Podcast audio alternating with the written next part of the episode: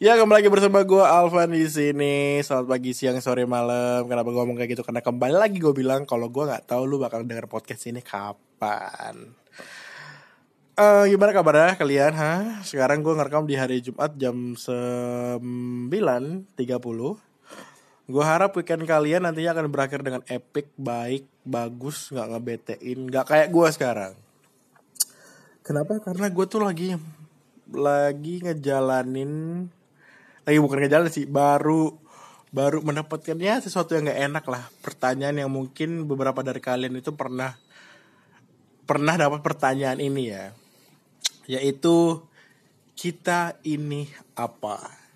Pernah gak sih kalian dapat pertanyaan kayak gitu? Atau mungkin kalian sebagai pelaku yang menanyakan hal ini? Kalau gue di sini sebagai pelaku yang menanyakan hal ini gitu kita ini apa? gitu. Dan di sebelah gue sekarang udah ada teman gue namanya Reja. Nah mungkin Reja nggak bakal ikut banyak ya karena kayaknya dia lagi PW gitu lah tiduran. Cuman mungkin kalau misalnya lu mau jawab-jawab aja ya nggak apa-apa aja gabung-gabung aja. Reja nama samaran ya. Oke. Anjing. Emang nama sih? Oh iya nama nama samaran ya Reja. Ya nama aslinya adalah jauh dari kata R lah pokoknya. nah, gue mau nanya sama lu Ja, lu pernah nggak dapat pertanyaan atau mungkin menanyakan pertanyaan itu kayak kita ini apa? Nanya nggak pernah ditanya sering. Wow, sombong sekali. Sumpah sombong sekali. Sumpah. Nah, kalau lu bisa dapat pertanyaan itu, lu jawab, biasa jawab apa? Apa yang biasa lu jawab ketika lu dapat pertanyaan itu? Kalau emang mau ya gue tinggal jawab. Emang maunya apa gitu. Kalau misalnya itu kan kayak ngetis dulu lah. Itu tuh kayak kayak kayak ini balik ya, kayak kayak kayak gimana sih kayak nanya balik gitu. Ngetis dulu. Cuman tujuannya kalau misalnya kan emang gue suka beneran ya gue jadiin. Cuman kan nggak mungkin pasti kita ini apa. Yaudah kita jadiin aja ya gitu. Enggak. Tidak tidak gentle seperti itu. Emang biasanya lu dapat pertanyaan itu setelah kenapa? Setelah apa yang lu lakukan? Maksudnya gini loh kan nggak mungkin dong temenan tiba-tiba nanya kita ini apa ya? Kita teman ya kan jelas obvious kan. Nah itu tuh lu dapat pertanyaan itu setelah apa? Setelah apa gitu?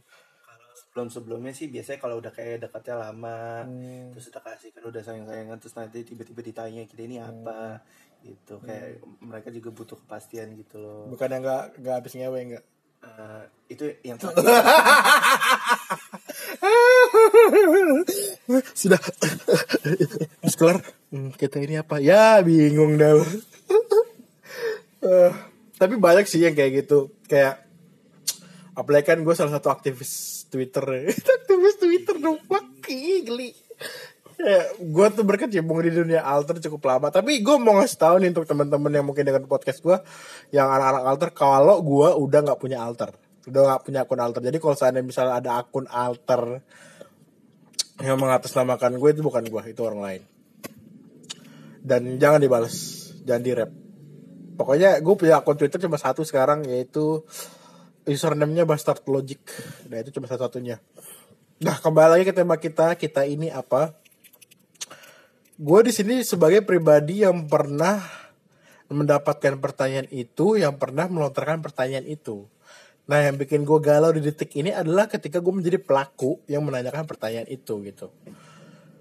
Kalau gue sih jalan cerita gue itu ya ya gimana ya? Gue tuh tipikal orang yang sebenarnya nggak mau serius dalam relationship sih. Target nikah gue itu 32 tapi belakangan itu gue dapet finally you find someone who apa ya you apa ketika lu ngeliat dia ketika lu ngeliat gerak gerik dia lu kayak wah ini nih orangnya gitu lu pernah gak sih kayak gitu kayak merasa wah ini ini orang yang tepat nih gitu. Nah gue tuh akhirnya menemukan itu. Tapi orang yang gue rasa tepat merasa bahwa gue nggak tepat buat dia kayaknya. Makanya dia kayak "Hah, tertarik dengan pria lain dan gue ditinggalin. Ah fuck. Cringe banget. Tapi kalian gimana sih nyikapin hal itu jujur gue pribadi sekarang sampai detik ini kalau gue ditanya kita ini apa gue masih bingung. Gue harus jawab apa gitu. Kadang gue malah melontarkan pertanyaan balik kayak yang dibilang Reja. Kayak ya kamu maunya apa? Atau enaknya apa? gitu loh. Kayak ya pokoknya pertanyaan retoris balik deh pura-pura bego iya. Ini apa? Ya. Ya ap- kita ayah dan anak. Kita ini apa? kita. emang saya bilang saya ngewe. Aduh ngapain nih jangan ya nggak boleh. Nggak baik.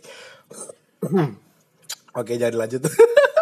Nah gue tuh merasa bahwa sebenarnya orang-orang yang menanyakan pertanyaan ini adalah orang-orang yang melakukan kesalahan sedari awal. Sekarang gini deh. Kalau lu nggak siap dalam sebuah komitmen atau lu merasa kayak lu harus dapatin ini orang gimana gue jelasinnya jadi jangan memulai apa yang nggak bisa lu selesaiin bos pertanyaan-pertanyaan ini tuh muncul karena lu tuh kayak Pede, pertanyaan-pertanyaan kita ini apa itu muncul karena ada pernyataan jalanin aja dulu. Ngerti gak sih lu? Hmm. Orang kan kebanyakan kan kalau misalnya memulai relationship yang kayak gitu tuh ujung-ujungnya pasti awalnya tuh kayak ya udah jalanin aja dulu. Setelah semuanya everything getting serius, terus akhirnya lu merasa kayak kita ini apa sih sebenarnya gitu loh. Nah, menurut gue ya ketika pernyataan kita ini jalin dulu itu muncul itu nggak gentle banget sih untuk diucapkan baik itu dari belah pihak si cowok ataupun cewek menurut gue kalau emang lu pengen eh, memulai suatu relationship itu ya harusnya lu siap ketika apa komitmen siap ketika ada pertanyaan ini. Jadi ketika ditanya kita ini apa kita pacaran atau kita ini apa kita ini teman. Jadi lu dari awal tuh harus punya landasan yang jelas bahwa sebenarnya lu hubungan ini apa. Jangan sampai kayak kita jalin aja dulu tapi lu mengawang kedua belah pihak tuh mengawang-awang gitu. Jadi akhirnya gini tanpa ada status tapi lu saling cemburu. Tanpa ada status tapi saling posesif. Giliran misalnya nanti kalau seandainya gue posesif sama lu lu lu bakal bilang emang lu siapa gue?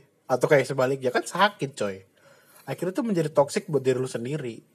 Kalau gue pribadi ya kalau gue pribadi kalau dari awal emang lu niatannya cuma pengen let's say FWB atau misalnya kayak cuman temenan aja atau kayak atesan ya udah kayak disclaimer dari awal bahwa kita ini nggak bakalan in relationship gitu. Cuma rata-rata kalau bisa yang nggak berani, yang ditanya gitu jawabnya bingung, pasti mikirnya kayak nggak mau nyakitin gitu loh. Jadi kayak ma- masih pengen dapet juga, cuman kalau takutnya nanti belak belakan malah dijauhin gitu loh. nah itu egois Emang. makanya gue bilang dari awal just, just, just being an asshole yo ya kalau misalnya itu ya emang berarti lu serakah dan egois aja serakah dan egois aja gitu kayak nggak mau terikat tapi mau dapet terus gitu kan dan bodoh aja ada yang wanita mengiyakan. Ya emang tapi faktanya banyak yang begitu gitu. nah menurut gua itu toxic jadinya jatuhnya ke lu nantinya. Kayak kayak ya gimana ya? Gue tuh selalu bilang ke teman-teman gue bahwa kalau lu mau memulai suatu hubungan please tanamkan mindset ini di otak lu bahwa mencari pasangan itu sama aja kayak investasi perasaan jangka panjang. Hmm.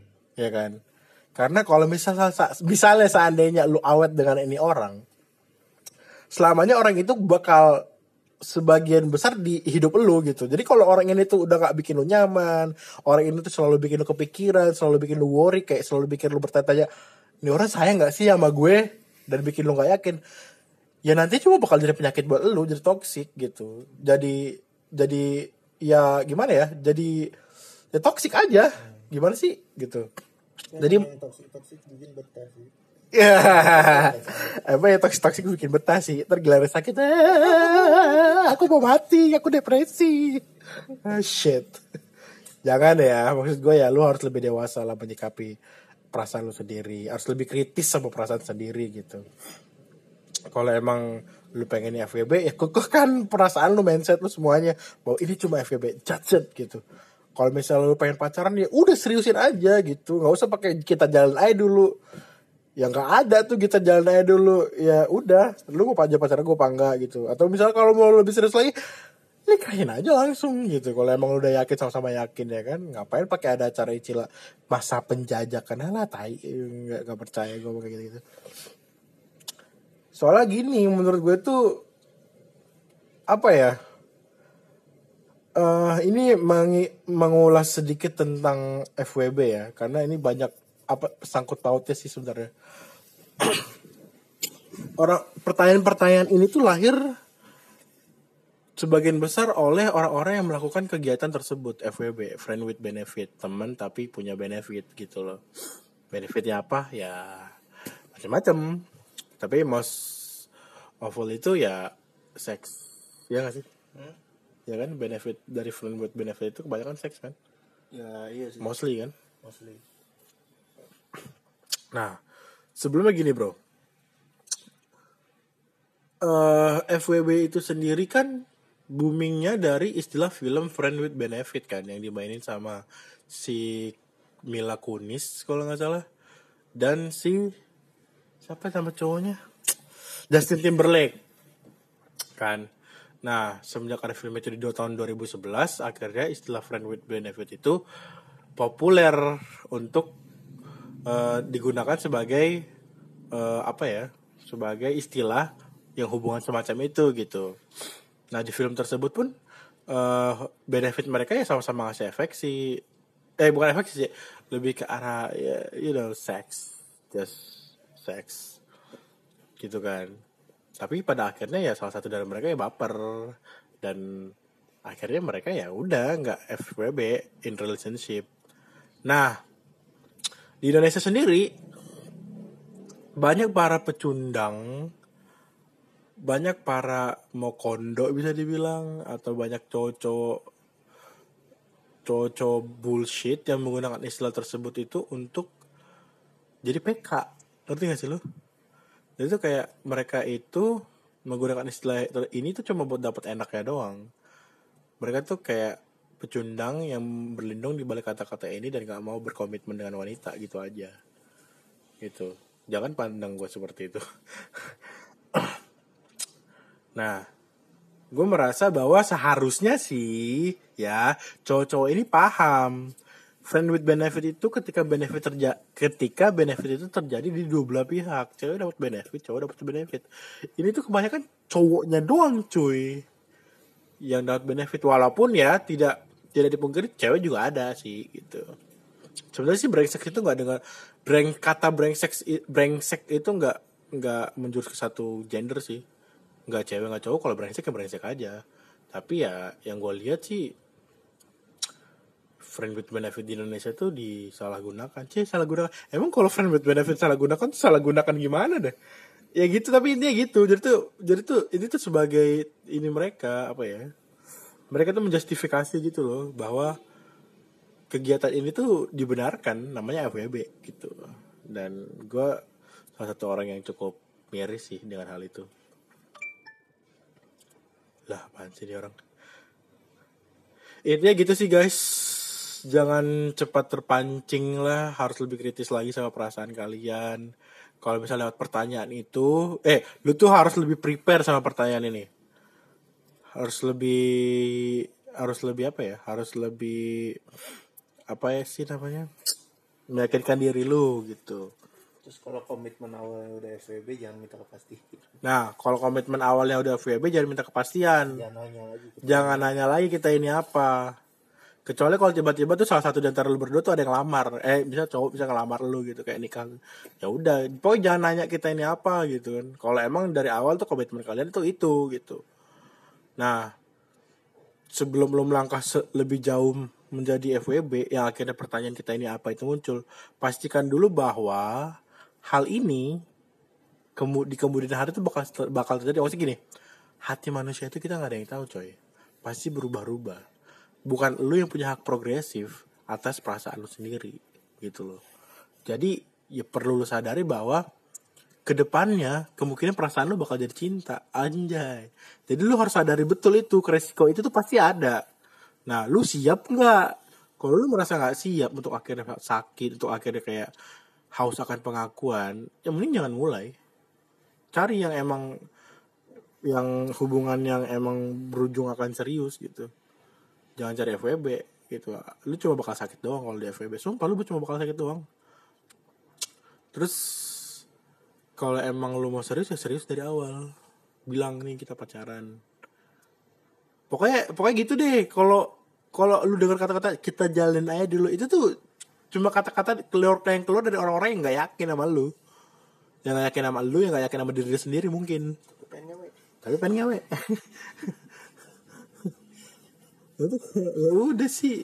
Ya klise itu basic move banget lah dari orang-orang yang cuma pengen enaknya doang. Jangan deh jangan sampai gue kasih tahu sama lu nih.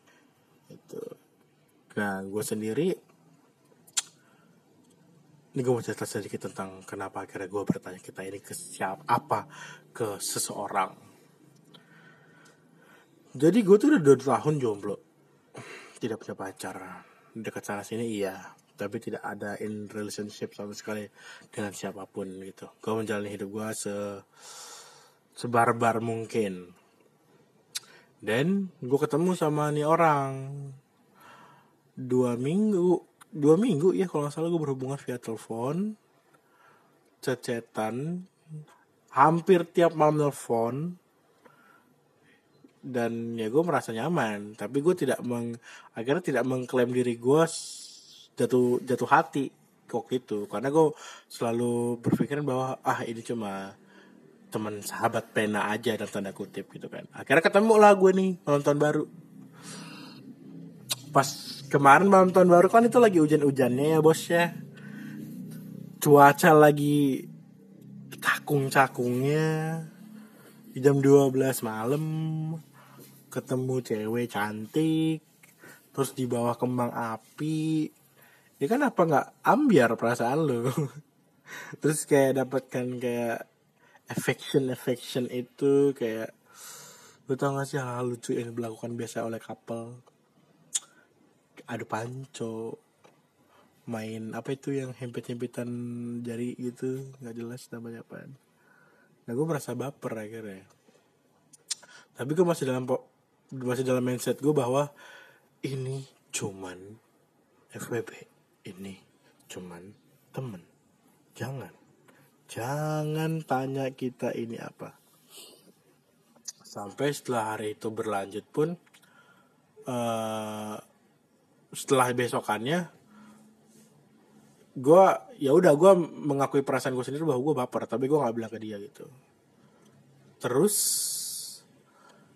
setelah kejadian itu ketemu itu hampir tiap bukan hampir tiap malam setiap malam dia nelfon gue setiap malam itu sekitar jam 12 malam pasti dia nelfon gue.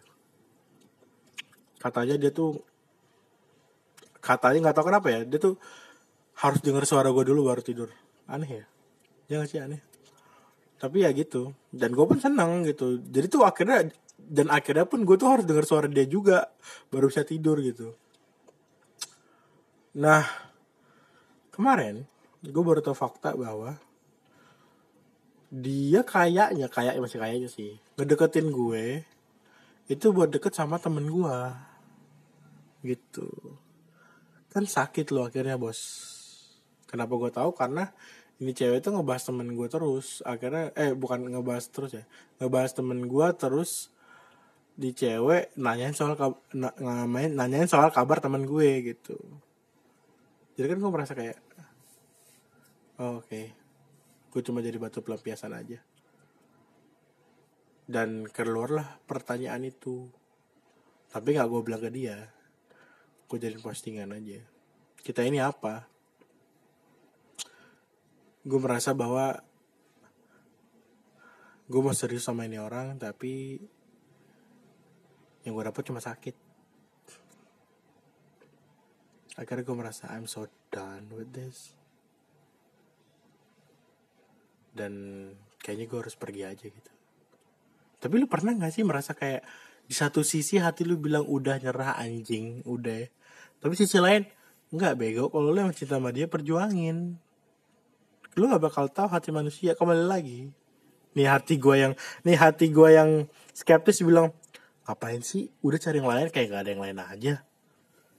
Tapi ha- hati gue yang optimis bilang udah usaha aja dulu lu nggak tahu siapa tahu di kemudian hari dia jadi milik lu. Jadi tuh gue ada di antara dua ini men. Jadi gue bingung banget sekarang nih harus gimana. Jadi gue mungkin nggak tahu lah. Intinya gue sedang lelah sekarang dengan hal-hal seperti ini. Setelah dua tahun akhir gue ngerasain kayak gini lagi dan sakit yang gue dapet. Tai gak sih intinya gitu deh kalian jangan sampai ada di posisi ini posisi menanyakan kita ini apa atau posisi ditanya kita ini apa. Yakinin aja dulu men jangan main-main bagi sakit lu. Kayak gue lu. Udah segitu aja. Bye bye happy weekend bitch